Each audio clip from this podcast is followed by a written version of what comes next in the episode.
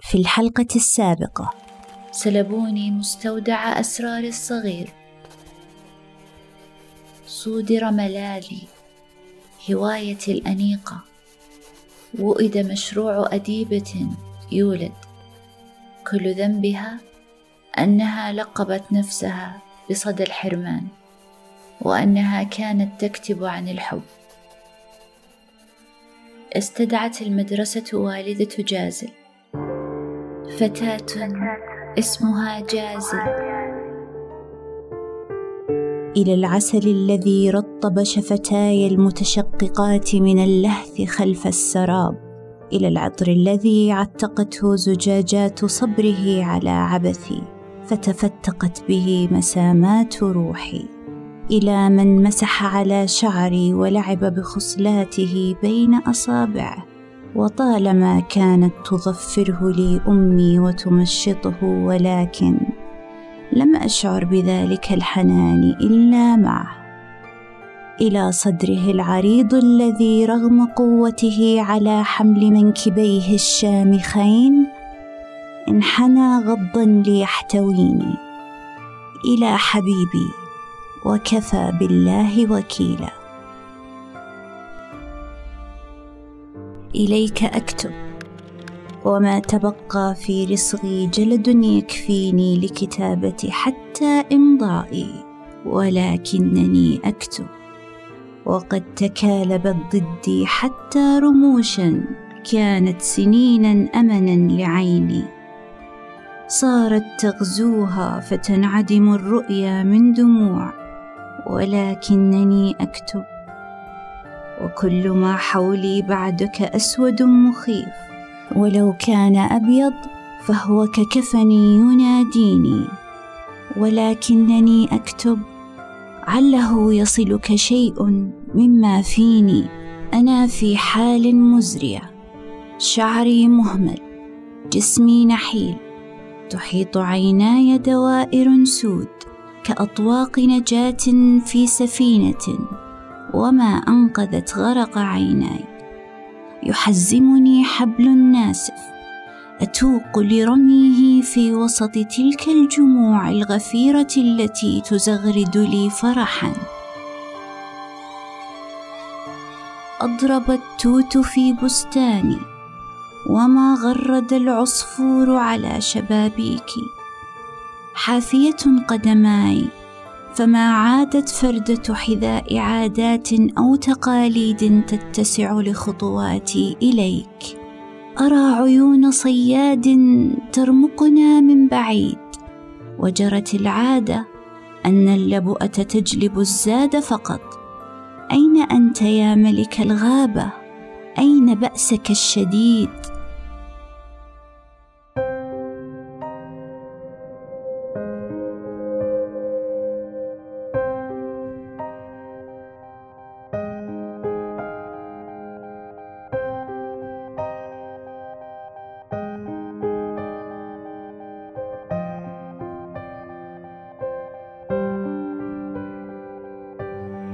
أنا ما في جعبتي من العمر أثمن مما مضى لأرميه تحت قدميك.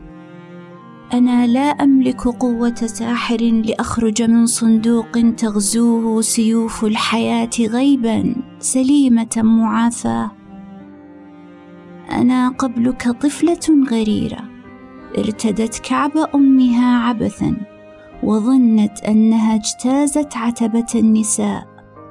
ذهبت تلعب مع أقرانها وانغرس كعب النضج برمال الشاطئ فعرفت مذاق التراب. أنا مهما علت قامات إرادتي فإنها أمامك تصاب بالقزم. ومهما ارتهب الجسد وصام عن المتعة في حرمك ما صام ولا التزم. أنا وإن شئت أن تعرف عني أكثر أريدك أنت فلا أكون أنا بدونك. أريدك أنت وكل ما فيني انهزم.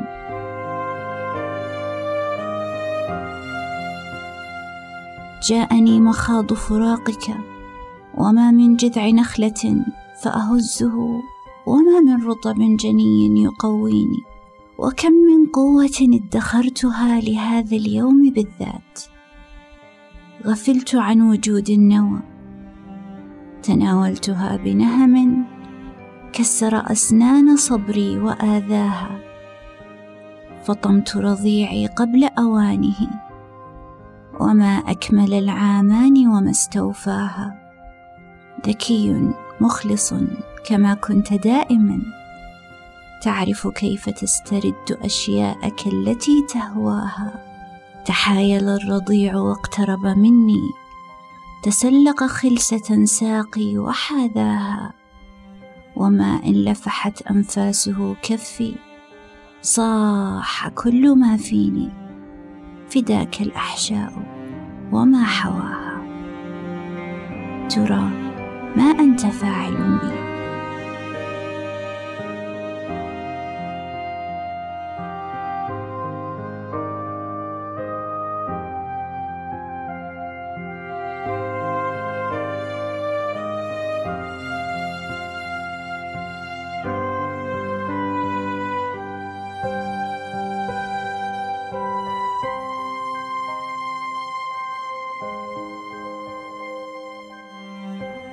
في كل ليلة يختارني قائد الأمل لأحارب العالم بك. أخشى أن أكون على وشك انتحار. فإما أن أكون سبيا لليأس أو أموت شهيدة بسلاح خذلني.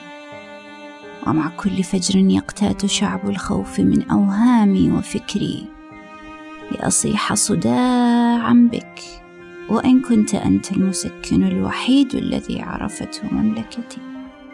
وفي كل دقيقة يلجأ أسرى هواك لكتاتيب صدري يدرسون أضلاع ابتهالات قابل الحرية. والمصيبة أن كل ابتهالاتهم تلهج باسمك وتناديك. أعلم بأنك استعمار وما من فرار وما من تحرير. ولكني أناشدك القرار وأرجوك تحديد المصير. إما جناتك أو النار. طال علي البرزخ. طال انتظار المزامير. حبيبي وفيك وجدت مواقف الرجال. والرجال مواقف. وما نقص قدر سيف الله المسلول أنملة. يوم ان قبضت روحه طريحا على الفراش وقد كان الفاتح الأعظم. الإمضاء أحبك.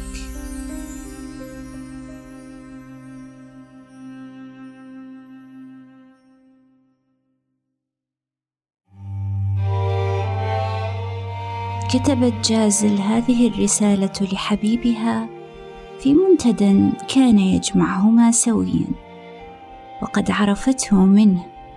أحبته لم تقابله قط حب إلكتروني بحت.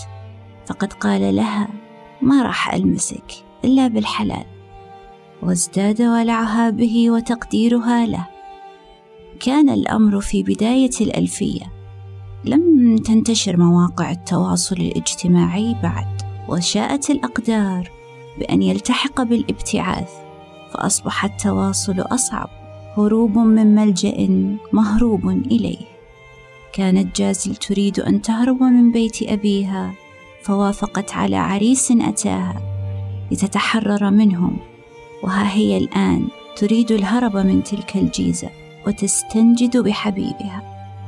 كونوا بالقرب فللقصة بقية. في أمان الله.